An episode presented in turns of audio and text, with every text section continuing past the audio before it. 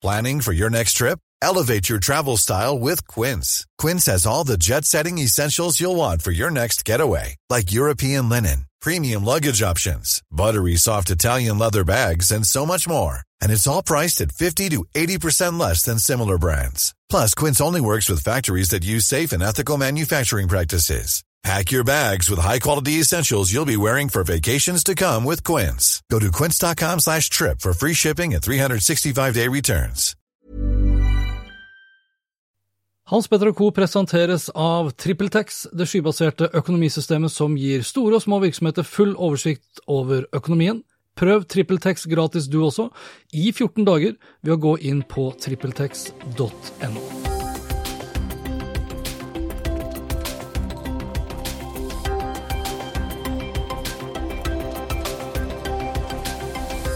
Hanne Lene Dahlgren er i dag en av landets største forfattere, og ga ut en vegetarmatkokebok tidligere i år.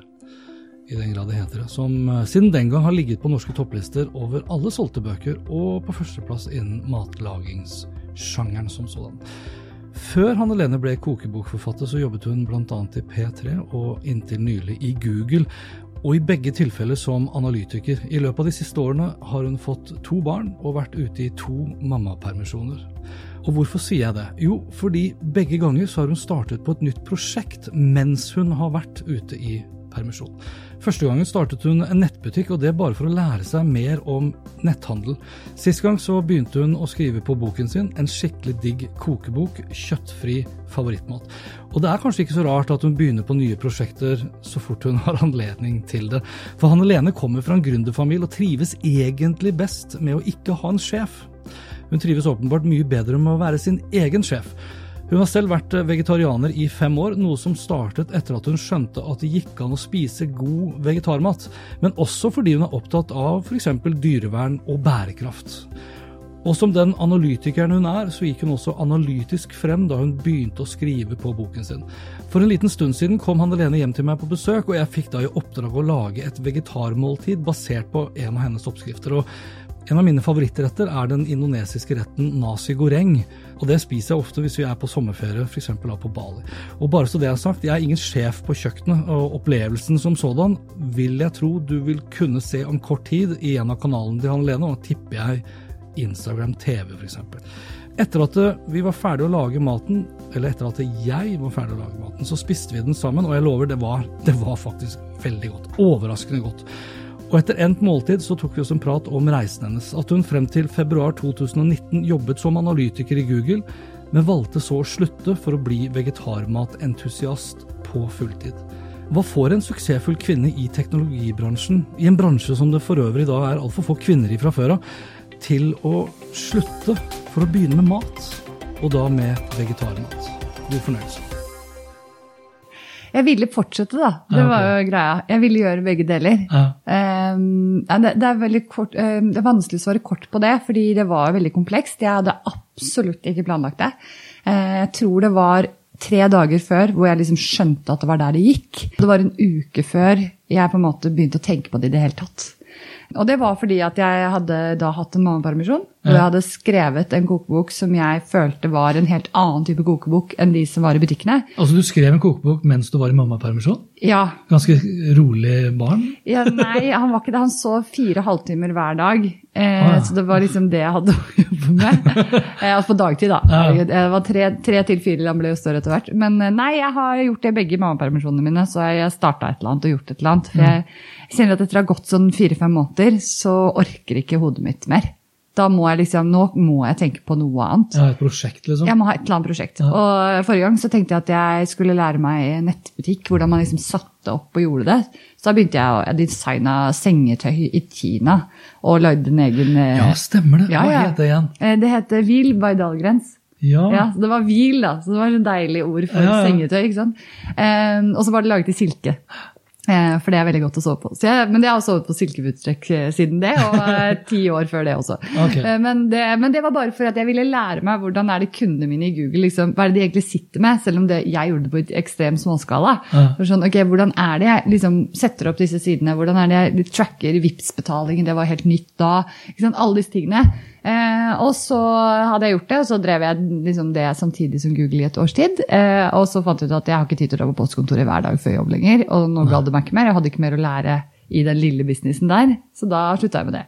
Altså det var, med, var det ment som et sånn lite prosjekt? Ja, det var, ba, det var bare for å sjekke. Liksom. Jeg hadde kjøpt okay. inn 300 varer, og så gikk det ut på første måneden. Eh, jeg var sånn, oi, ja ok, Nei, men da må jeg vel gjøre mer, da, for det var jo bare for å lære meg. Ja. Eh, så det var vel syv eller åtte måneder, jeg tror, for det ble liksom nesten et Når er vi, til, er vi i 2017 eller noe sånt? Eller? Nei, nei, der er vi i 2015. Oi, det er så lenge siden allerede. ja. Ja, faktisk. Eh, for han ble født i 15. Mm. Så, eller jeg lanserte vel i januar 16 eller noe sånt, ble det vel, kanskje. Ja. fordi han hadde jo levd en stund.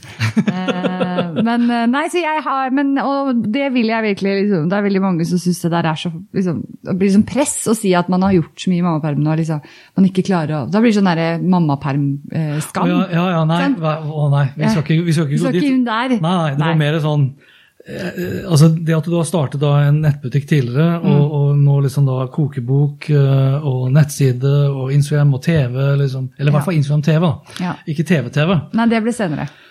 så, så kan man jo liksom lure på liksom, om det har gått da en slags sånn gründerspire i deg i flere år. da. Ja, men jeg er nok, jeg er fra en gründerfamilie. Ja. Eh, og så er jeg jo jeg er ikke så veldig glad i å ha sjef, selv om jeg var glad i sjefen min i Google.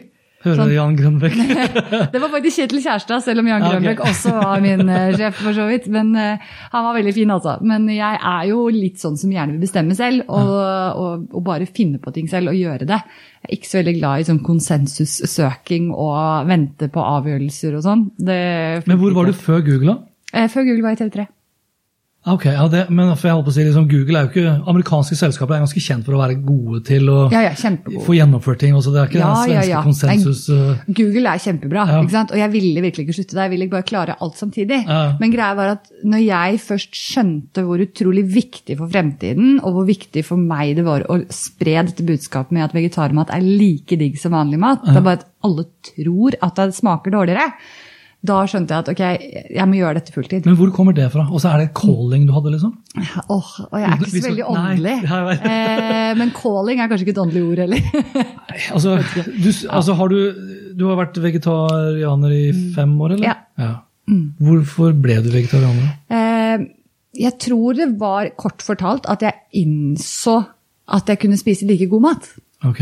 Eh, og da så jeg ikke noen grunn til å på en måte forvolde skade. Men det var ikke noe som skjedde over natta? liksom, og Våkna opp og bare Nei. å, jeg kan... Nei, nei, det var ja. ikke det. Det var blant Så det er ikke dyrevern, det er ikke bærekraften det var, det var nok dyrevern mest, Ja. eh, men så begynte jeg å skjønne dette med hvor mye ressurser det tar av jorden. Eh, og begynte å sette meg liksom inn i alt dette. Jeg er jo analytiker, så det å lese liksom forskningsrapporter og forstå liksom virkelig hva er det som skjer, hvordan kommer denne maten til meg, hva, hva er alle leddene bak? Ja. Og så så jeg at men herregud, hvorfor skal, så, hvorfor skal vi bruke så mye ressurser på at jeg skal få en skinkesteik til middag, liksom. Det var kanskje ikke det jeg spiste mest av, men som eksempel. Eh, når man ikke trenger det.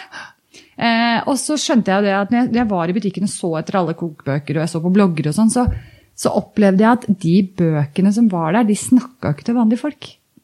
De snakka okay. til de som allerede har blitt vegetarianere eller veganere eller andre ganere. ikke sant? Altså, det var veldig eh, Mange vil kalle det litt sånn hippiebasert, selv om det i mine øyne er veldig positivt. Ja. Så er det ikke nødvendigvis det for deg, da. Sant? Nei. Nei. Og det jeg fant ut av, at ok, men hvorfor er det ingen som har undersøkt hvilke norske middagsretter er det folk liker i dag? Eh, hvorfor eh, har vi ikke liksom tatt en skikkelig analyse av mat, og så laget oppskrifter basert på det? Og så fikk jeg jo en bookdeal, da. Eh, bare ved å pitche, egentlig. Ja, altså de, de sa jo alltid sånn ja, ja, men selvfølgelig vil vi se manus, send det over. Det sier jo hvilket som helst forlag. Ja. Og jeg bare jeg har jo ikke noe manus. Eh, så jeg sa at eh, nei, men eh, jeg vil gjerne ha 15 minutter av deres tid. Ja. Dette var jo Norges, ja, det er vel Norges nest største forlag, Gyldendal i hvert fall. Eh, men jeg har 15 minutter, og så skal jeg fortelle dere hvorfor denne boken blir Norges mest solgte neste år. Sa jeg med sånn klump i halsen. Trodde jo ikke på Ja, det, da. det er kult, da. Men jeg måtte jo, jeg kan jo pitche.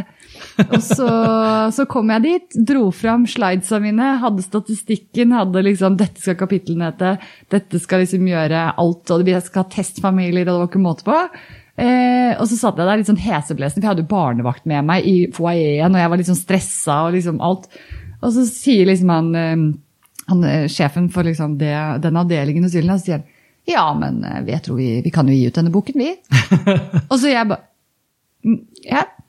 Jeg bare send meg sånn 15 oppskrifter innen torsdag, du, sånn at jeg vet at du kan lage mat. Ok, men uh, snakkes, da. Ja. Men da hadde jeg pitchet inn at den skulle ta halvannet år å lage. Ja. Det var jo hele planen min. Jeg skulle lage liksom en rett i uka eller noe sånt, nå, og litt ved siden av jobb. Men så spurte de da kan du levere om ni uker. Ja, for hadde du, hvis du, altså, Jeg hører jo det at du er veldig analytisk egentlig i alt du Mm. har gjort. Eh, Jobba du analytisk også i TV3? da? eller? Ja. ja. Så du har den her eh, spreadsheet-tilnærmingen Ja, til, til alt. har det. Men var det, var det opprinnelig da en, en plan, når du sier det her med en oppskrift i uka, skulle det egentlig begynne som en nettside eller som Instagram, og så skulle det bli en bok, og så ble det motsatt? Nei, det var egentlig, Tanken var bare at jeg skulle samle alle de oppskriftene som jeg mente at folk kom til å elske i en bok. Ja, Det er ikke analytisk, som du mente? Ja, men jeg mente, Og så måtte jeg finne ut hva folk mente etterpå. Ja, ok. Men derfor så samlet jeg da 53 testfamilier Ja. som stort sett spiste helt vanlig kosthold. Det var én vegetarfamilie i den bunchen der. Eh, og så laget jeg en liste på 200 oppskrifter som jeg mente at dette burde jeg utvikle. Ja. Typisk sånn Ok, Den trenger et tacokapittel, vi trenger supper, vi trenger osv. Og, og så så jeg på hva er det som er mest søkt. Eh, Jeg hadde jo jobbet med og rapportert mat for altså alt fra Tine til Matprat til hele gjengen i flere år, så jeg visste jo hva som var på topplista. Det er jo mye pannekaker og kjøttboller og? Eh, mye pizza. Ja. Og fun fact, veldig mye hummus. Det er ikke så mange som vet. Nei. Jeg er en av topp ti søkte ordene i hvert fall for to år siden. da, Hei, når, jeg hadde, når jeg hadde peiling.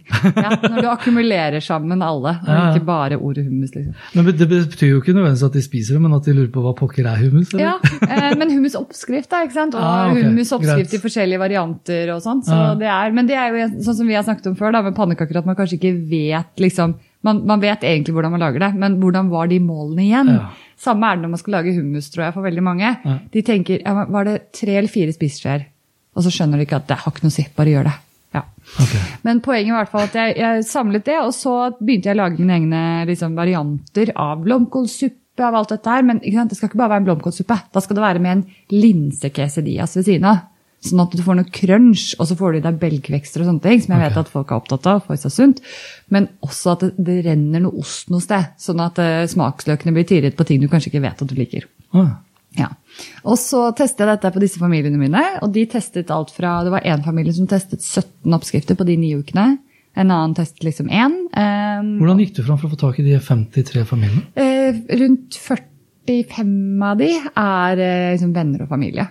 Ja, ok, Så det var ikke noen sånn social media campaign? Nei, det var bare sånn, jeg spurte liksom de som hadde visst at jeg skulle gi ut bok, bare sånn, er det noen som har lyst til å hjelpe til? Så var alle gira, liksom. Okay. Eh, og i varierende grad fikk tid til å bidra, for det var jo så innmari kort deadline. Eh, så jeg lagde jo ti retter på en dag, liksom, og jeg hadde barnevakt én dag i uka. Da Da kjørte jeg skikkelig på. Da hadde jeg sånn pizzadag, for eksempel, så lagde jeg 20 pizzaer. ikke sant? Eh, bare testa, testa, testa, og så bare ok, disse fire tror jeg blir kjempebra. Send ut på test. Og så fikk jeg de tilbake igjen etter tre-fire dager. Og så med liksom, eh, den var for salt, eller barna likte det ikke, eller osv. Så, videre. så var det bare retter med toppkarakter som fikk lov til å slippe det i boken. Så Hvis jeg forstår det riktig, så er da alle oppskriftene er laget av deg? Ja, ja, ja. Altså opprinnelig, liksom? Ja, ja. Ja, men det er jo sånn, altså, ikke sant? Jeg har jo Ja, men Det er enda mer imponerende. da. Ja, men man, det er jo sånn man gjør det. Man lager jo sine egne varianter. Ikke sant? Jeg, Jo, jo. jeg har jo laget, eh, altså, du har jo laget kjøttkaker en gang i livet ditt. Og du har jo fulgt en eller annen oppskrift, men så har du kanskje oppi litt eh, Du vil ha litt mer muskatsmak. Nei, jeg har ikke gjort det i det hele tatt. nei, jeg, jeg merka at når jeg begynte å si det, at det der var feil person å si det til. Men, men når er det da, altså uten at det her skal bli sånn her matprat-episode For jeg er jo litt sånn interessert i akkurat den, her, den overgangen når du da innså at eh, dette kan det bli business av. Det som skjedde, var at jeg, det skulle begynne igjen i slutten av januar i år. Ja. Uh, uff, det er rart å si år. Nå er vi i august, liksom. Det er jo føles så lenge siden. Og så skulle jeg ta to uker i studio for å ta bilder av alle disse 80 rettene. Så det var ganske heavy. Det var, vi to lagde jo ti retter hver dag og styra årene. Og så uh, skulle jeg begynne igjen, og så ser jeg liksom over manuset og skal sende det til trykk. Og så bare åh, denne her har blitt så bra. Altså, dette kan forandre noe, men jeg skjønner ikke Når skal jeg ha tid til å promotere denne? Eh, og jeg hadde jo fått spørsmål om alt fra liksom, Jeg hadde begynt å snakke litt med Matkanalen, om det kanskje kunne være mulighet til å lage noe program. Jeg hadde podcaster eh, lina opp, og det begynte å komme med sånn magasiner som skulle ha intervjuer. ikke sant? Jeg bare, skal Det første jeg gjør når jeg kommer tilbake på jobb, er kan jeg få den dagen fri? Kan jeg få den dagen fri? Veldig dumt hvis jeg skal til Dublin da, for da, da skal jeg nemlig på God morgen Norge dagen etter. Ja. Jeg bare fikk helt sånn angst på at hvorfor har jeg brukt så mye tid av permisjonen min på å lage et produkt som jeg ikke har tid til å promotere? Og da snakket jeg og mannen min mye om dette her, og bare hvordan skal jeg gjøre det. Jeg har en ettåring og en fireåring. Og da sa jeg bare ok, men vet du hva, er det én gang i livet du skal gi ut bok da, liksom? Er det én gang i livet vi skal ta en sjanse, så gjør vi det nå. Så jeg gjorde det uten forretningsplan, uten strategi, uten plan for å liksom Vi bare fant ut at ok, vi bremser lånet, vi betaler bare ned på renter. Vi drar ikke på ferie i år, vi gjør ikke sånne ting. Kjøper oss ikke noen nye Og det er greier. kult gjort av mannen din nå. Ja, ja. Kudos til ja, det er kudos. altså. Veldig kudos. Men han, han har jo levd i dette her selv. Han har skjønt hvor viktig dette er, og han elsker jo maten. Og har jo fått lov til å spise hva han ville. Det er mange som tror at han er tvunget til dette. liksom. Mm. Men han velger jo vegetarmat helt selv.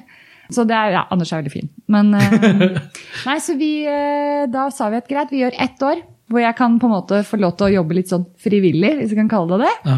Og så eh, finner jeg meg enten en jobb fra januar, var planen, eller en eller annen måte å tjene penger på. ja, i 2020. I 2020. Ja, men har, og nå er vi nå snart ferdig med 2019.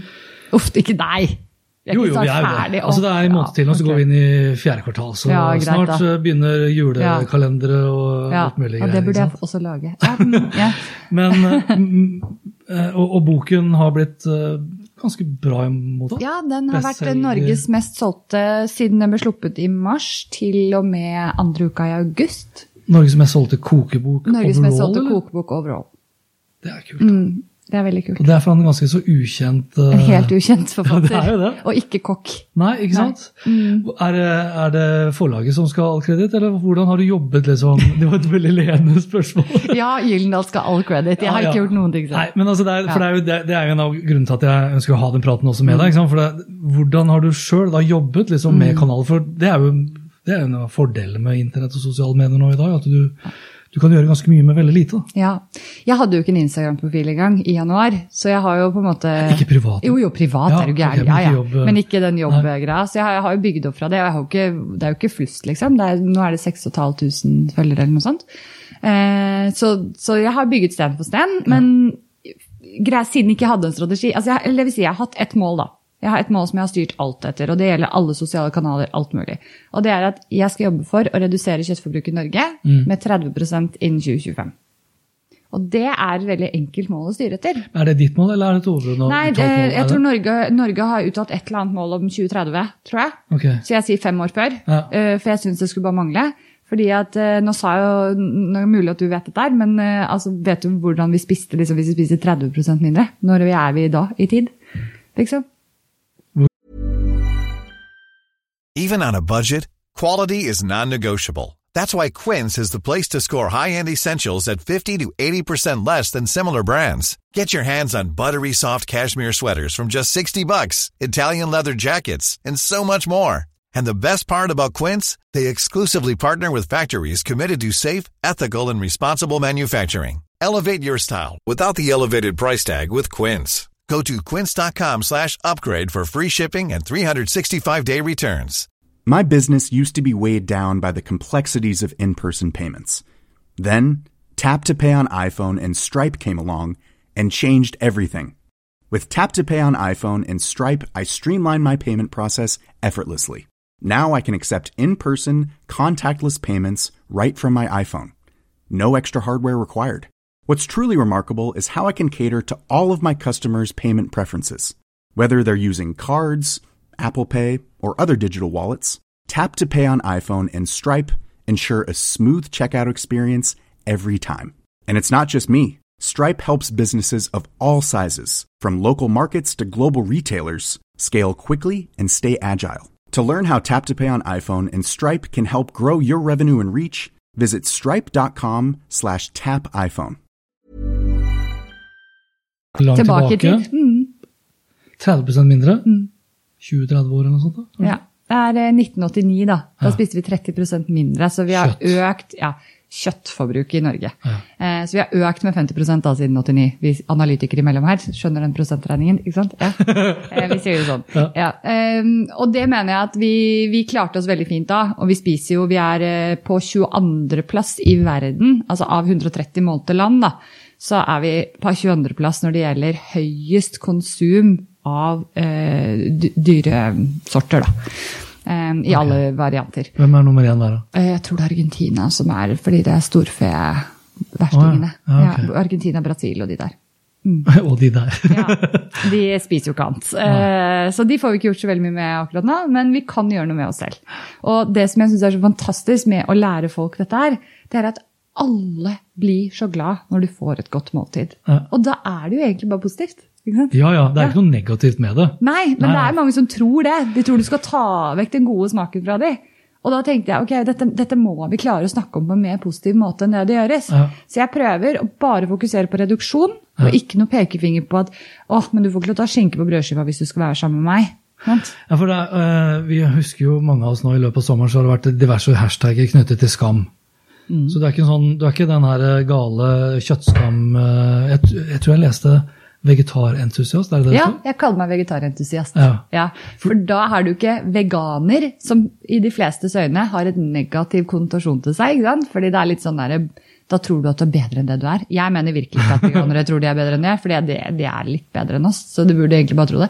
Eh, Men, eh, men, eh, ja, det, men det, det båsen er veldig farlig, da. Fordi at hvis, hvis du kan plassere meg i en bås som ikke du passer inn i, da kan vi plutselig ikke lytte til hverandre lenger. Det er litt sånn jeg opplever det. Og jeg prøver å være i den båsen som heter matglede, som ikke bare tilfeldigvis har noe med kjøtt og fisk å gjøre. Ja, ok, tilfeldigvis. Ja, Men ikke sant? Altså, jeg spiser ikke det, men du får lov til å spise det. Men jeg kan jo lære deg andre ting som du også kan spise, og være kjempeglad. Ja, ja. Mm. Og hvor mange dager i uka må jeg dra ned hvis jeg skal dra ned 30% Halvannen til to dager i uka. Du kan jo velge, jeg- fordi du kan gjøre det, eller så kan du også redusere mengden for hvert måltid, Ja. som kanskje føles lettere for mange. I stedet for liksom to pakke skinker i uka, da, så kanskje du drar ned til bare én. Så har du 50% reduksjon der. Ja. Eh, hvis du skal ha kjøttdeig til familien, så kjøper du én 400 grams pakke, ikke to.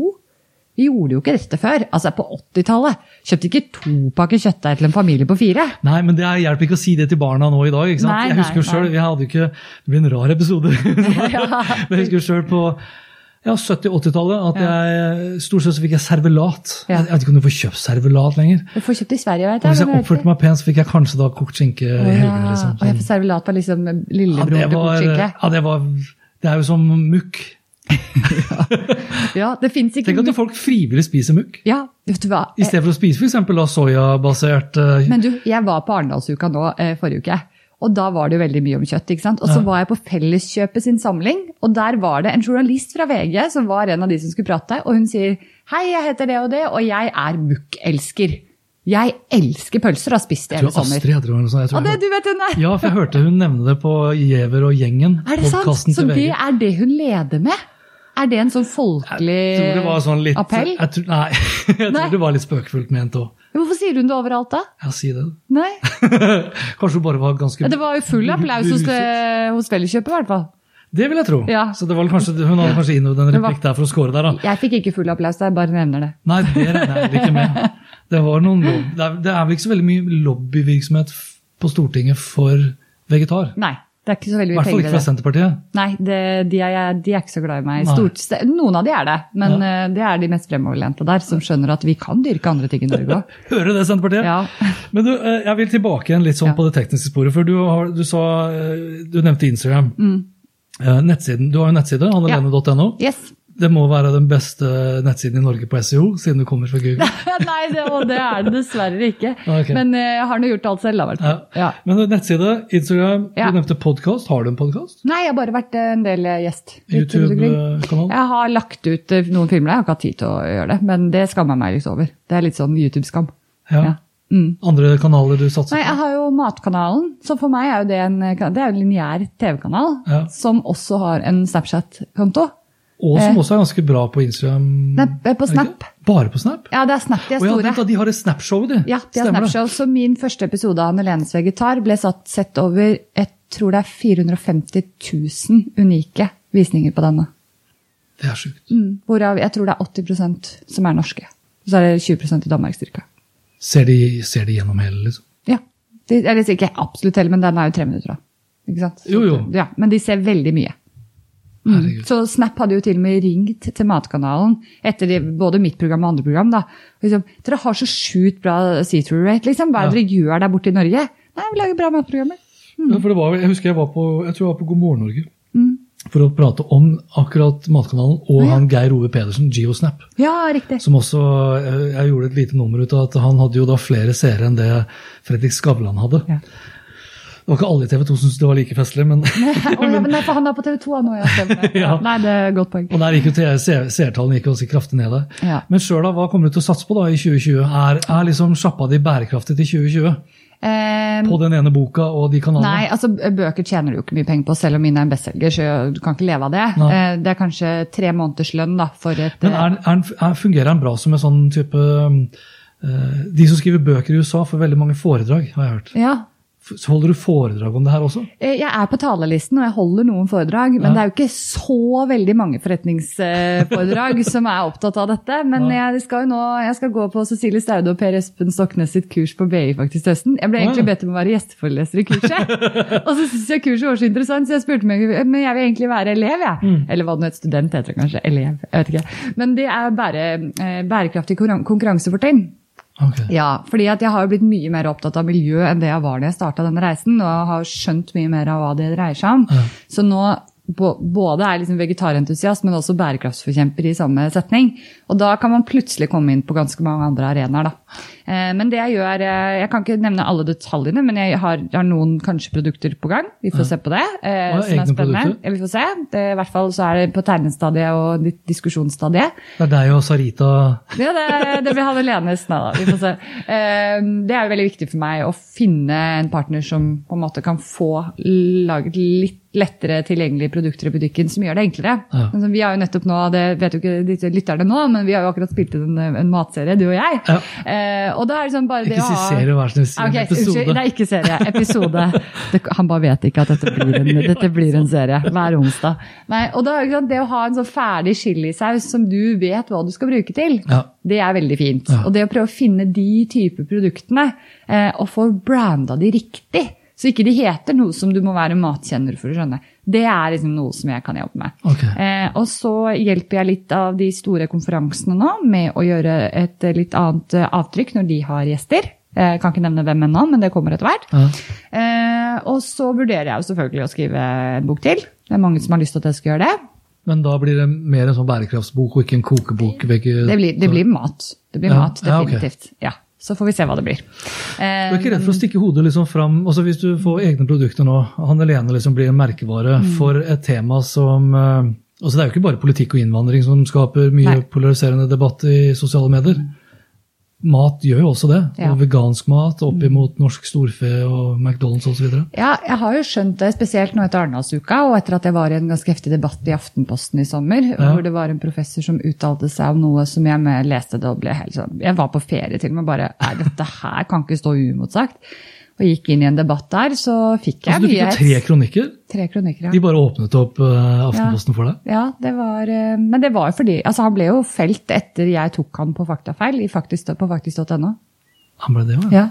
Oh. Så det var jo bra, fordi han hevdet jo ting som man ikke kan hevde. Han hevdet at norsk kjøtt er bærekraftig. Og det kan du ikke hevde, for det stemmer jo ikke. For kjøtt er ikke bærekraftig i seg selv. Det blir som å si at liksom, bensinbilen min er bærekraftig fordi den er produsert på en annen måte. Nei, den er bare litt mindre forurensende. Ikke sant? Det er semantikk i det. Ja, det blir, det blir jo semantikk. Ja, men han bruker det jo for å si at du kan spise det med god samvittighet. Ja. men I forhold til andre ting, ja, men da må du også vise meg regnestykker på hva du mener. For hva tror du de sier i Sverige? Eller hva tror du de sier i England? De sier jo det samme om sitt eget kjøtt. Det er jo det mest bærekraftige du kan få tak i. ikke sant? Ehm, så det ble jeg ganske sur for. Og så tok jeg han på en regnefeil som eh, var ganske kraftig. Og det er jo litt synd. ikke sant? At en professor som uttaler seg, som eh, også kaller meg litt sånn unge dame, eh, kommer med regnefeil som gir helt feil konklusjon. Så det, ja, det er ganske, det er tøffe tak. Og hva, hva, hva, hva ble reaksjonene liksom, i sosiale medier på deg? eh, i, på Twitter spesielt fikk jeg jo gjennomgå av Bondelaget og de folka der. Men det er Når de ikke kan vise til noe som sier at jeg tar feil, Ja. så, så går det ikke så veldig inn på Men meg. tar du de debattene? Ja, jeg har tatt noen, men jeg har ikke tid til å ta alle. Nei. Um, Nei, jeg det- tenker, det men, altså, Tid er jo én ting, en annen ting er liksom Har det noe for seg? Det, Nei. Det, det har egentlig ikke noe for seg. Jeg har, tatt, jeg har svart på alle kommentarer i kommentarfeltene under saken. Ja. Eh, Jeg har passet på å svare på alt på min egen Instagram, alle de tingene der. Men å sitte på Twitter og diskutere med tre-fire stykker, som bare det er de som ser det uansett, Ja. det har ikke noe for seg. For de er ikke ute etter å forstå noe annet enn det som gagner deres eget yrke. Nei, det er ofte det jeg også sier når det kommer til kommentarfelt generelt. Da. Folk er egentlig mest opptatt av å ytre sine synspunkter, og lite interessert i å få endret sine egne. Ja, Og man har vel aldri sett noen si ja, men vet du det der har du helt rett i, det har jeg ikke Ikke tenkt på. sant? Nå endrer jeg liksom meg totalt. Ja, så hver gang jeg tenker det i et kommentarfelt, så skriver jeg det. Fordi jeg vil på en måte, ja, Ja, ja. Det er så utrolig viktig at man tør å si at ja, men vet du hva, det poenget har jeg faktisk ikke tenkt på. Du trenger ikke å endre totalt mening og liksom, å, nå ble jeg tatt, eller noe, men du kan si ærlig at ja, men vet du det der var et godt poeng, det har jeg faktisk ikke tenkt på. Hvis vi hadde gjort det litt mer, så hadde det- vært litt hyggeligere i kommentarfeltene også. Ja. Mm. Men så skal det jo sies at altså, kjøtt, det altså bare Hvis du sier sånn Du skal aldri få spise kjøtt mer. Så vrenger det seg i hele liksom, 90 av den norske befolkning. Ikke? Du må passe veldig på hvordan du sier ting, og jeg er jo egentlig ikke så veldig diplomatisk. Så jeg må liksom passe meg litt for å være for ærlig med min kommunikasjon. da. Det er en balanse. Altså det, det, det kjøttet, Mm. kyllingkjøttet som vi spiste i sted, som da var soya Mm. uh, hvis jeg skulle, Og og det var faktisk helt 100% ærlig og oppriktig, det var veldig godt. Mm. Spesielt da når du kjente den ingefærsmaken i tillegg. Mm. Men hvis jeg skulle vært praktisk nå, tenk, på neste fredag så skal jeg fikse taco. Ja. Så er det jo bare kjøttdeigen der, eller karbonadedeigen der, som er liksom det ikke-bærekraftige produktet, egentlig. ja. Hva burde jeg erstatte det med, da? Eh, jeg har jo et helt tacokapittel, så Å ja, okay. da kan du jo velge. Men du, har jo selvfølgelig, du kan jo erstatte det med en vegetardeig, som er da liksom kjøttdeig, men vegetarisk, ikke sant? Som du ikke vil merke noe ikke merke på. forskjell? Nei, for du har jo tacokrydderet på. Det er jo det som smaker. Det er jo ikke kjøttdeigen. Du får nesten samme konsistens. Mm. Eh, men jeg vil jo slå et slag for å prøve noen annen type fyll. Jeg har f.eks. mye quesadillas, som er sånne Mm, ja, eh, ja. Kanskje ikke alle vet hva er, da, men sånne lumper som liksom du steker, og så blir det smeltet Ja, med smør over og. Ja, Nei, smør, sier jeg. Ost, med. mener. Stort sett ost. Eh, inni, altså. Skulle sett ansiktet til han eleven. Ja, men sånn, skal, jeg, skal jeg er rette an han på det, eller skal jeg ikke? Du kan jo ha smør over, det er viktig å være entusiastisk. Ja. Um, nei, men jeg lager jo eksempel, En av mine mest favorittretter som folk lager oftest, er jo gratinerte tacoskjell. Mm. Kan tenke deg, Ta tacoskjellene, fyll de med da, om det er vegetardeig eller kjøttdeig, eller hva som helst, da. Ja. og så står det ost på toppen, og så gratinerer du de inn i ovnen. Å ja. Ikke sant? Det er veldig digg. Og da lager jeg ofte et quinoa-fyll med bønner, mais, tomat, chili, alt sånn, som er inni der. Og oppå der har du deilig guacamole, du har salsa, du har rømmen din, eller hva du Kanskje til og med sylta rødløk, som er en av mine store favoritter på alt. Altså, Det ser så digg ut. Altså, her, Nå ligger jo boka mi her, skal jeg vise deg bildet. Se her. Ja, der, ja. Ja, sant? Du får lyst til å ta en bit. Ja. Jeg får Ja. legge ut en lenke til boka di. Ja, du får gjøre det. Ja. Ja, Hashtag annonse. Nei, det er jo ikke det. Ikke Nei, det er jo egentlig ikke annonse. Jeg har jo invitert deg som gjest. Ja, det er sant. Da er det i hvert fall ikke Nei, annonse. det er så sant. Yes! Forbrukerne vil ikke ha noe, noe som helst å si eh, til akkurat det. Nei. Uh, Men jeg, merker, altså jeg, prøver, jeg, jeg prøver å dra det inn på det tekniske. Ja, sorry. Jeg jeg bare hopper av gårde på mat. Ja, sorry. men, og det, ja, men det er ikke noe galt i det. For jeg Nei. tror kanskje altså, Du har egentlig på mange måter egentlig fulgt en slags drøm, da, en passion, en Mm. lidenskap, Ja. som eh, kanskje ektemannen din tror vil også da være bærekraftig i 2020 og fremover. Ja. Ja, men så, det er jo ikke noe tvil om at det kan gjøres veldig stor business ut av dette her. Ja. Det er bare at jeg ville ikke gjøre dette året til et sted hvor jeg fløy rundt i møter og, og bare drev og pitchet hele tiden Nei. for å få inn penger. For hvis jeg måtte gjøre det når jeg ikke hadde en profil, jeg hadde ikke en bestselgende bok, for den var ikke sluppet ennå, jeg hadde egentlig ingenting. Nei. Eh, da hadde jo ikke jeg kommet noen vei med folk. Men det jeg har fått til nå, er at jeg får meldinger hver bidige dag, ofte flere om dagen, av folk som sier at du, nå har familien min snudd helt. De ville aldri ha vegetarmat, men nå kan jeg lage hva som helst for boka di, og de spiser det.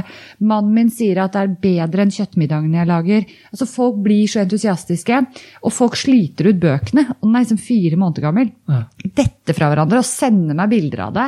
Altså Det er en slags sånn bevegelse rundt bare det å finne gode, deilige oppskrifter. Det er så mye viktigere enn at jeg har, liksom, kan betale ned på lånet det året her. da. Eh, og så må jeg selvfølgelig det etter hvert. Ja. Eh, men det kommer til å løse seg. Ærlig talt. Det er ingen tvil om at Hanne Lene tok en stor sjanse, og det gjorde hun uten å ha på plass en forretningsplan og strategi. usikker på om jeg vil anbefale alle om det samme. Men uansett, sammen med ektemannen så ble de enige om å gi det prosjektet her ett år. Men selv om hun ikke har hatt en forretningsplan eller en strategi, så har hun hatt et mål, og det målet har vært å bidra til å redusere kjøttforbruket. I en tid hvor stadig flere starter for seg selv, så er det ikke til å stikke under en stol at andelen kvinner som starter for seg selv, er fortsatt marginal. Derfor er det ekstra gledelig at Hanne Lene ikke bare er kvinne, men at hun våger å gå ut av en trygg jobb i store Google for å starte for seg selv, samtidig som hun er mor til to små barn.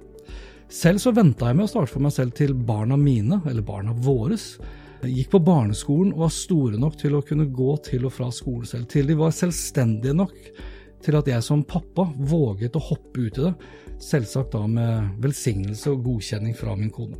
Så kudos til alle de som våger, kudos til Hanne Lene for at hun satset, og kudos til Hanne Lene for hennes hårete mål. Sjekk ut Hannelenes nettside, hannelene.no. Følg henne på Instagram, instagram.com slash hannelenesvegetar, og ikke minst Kjøp en skikkelig digg kokebok, du også. Så blir du ikke bare begeistret for vegetarmat, men du vil også automatisk kunne bidra til å gjøre verden mer bærekraftig. Og dette var det for denne gang. Likte du det du hørte og vil forsikre deg om at du får med deg de neste episodene, da abonnerer du på Hans Petter og Co. på Apple Podcaster. Ellers er podkasten selvsagt også tilgjengelig på Spotify, Google Podcast, Overcast, Acast og TuneIn Radio, for å nevne noen. Inntil neste gang, vær fortsatt nysgjerrig, for det er den beste måten å møte våre digitale fremtid på. Hans Petter Co. presenteres av TrippelTex, det skybaserte økonomisystemet som gir store og små virksomheter full oversikt over økonomien. Prøv TrippelTex gratis du også, i 14 dager, ved å gå inn på trippeltex.no. My business used to be weighed down by the complexities of in person payments. Then, Tap to Pay on iPhone and Stripe came along and changed everything. With Tap to Pay on iPhone and Stripe, I streamline my payment process effortlessly. Now I can accept in person, contactless payments right from my iPhone. No extra hardware required. What's truly remarkable is how I can cater to all of my customers' payment preferences. Whether they're using cards, Apple Pay, or other digital wallets, Tap to Pay on iPhone and Stripe ensure a smooth checkout experience every time. And it's not just me. Stripe helps businesses of all sizes, from local markets to global retailers, scale quickly and stay agile. To learn how Tap to Pay on iPhone and Stripe can help grow your revenue and reach, visit stripe.com/tapiphone. Why don't more infant formula companies use organic, grass-fed whole milk instead of skim? Why don't more infant formula companies use the latest breast milk science? Why don't more infant formula companies run their own clinical trials?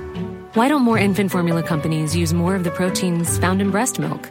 Why don't more infant formula companies have their own factories instead of outsourcing their manufacturing? We wondered the same thing. So we made ByHeart, a better formula for formula. Learn more at byheart.com.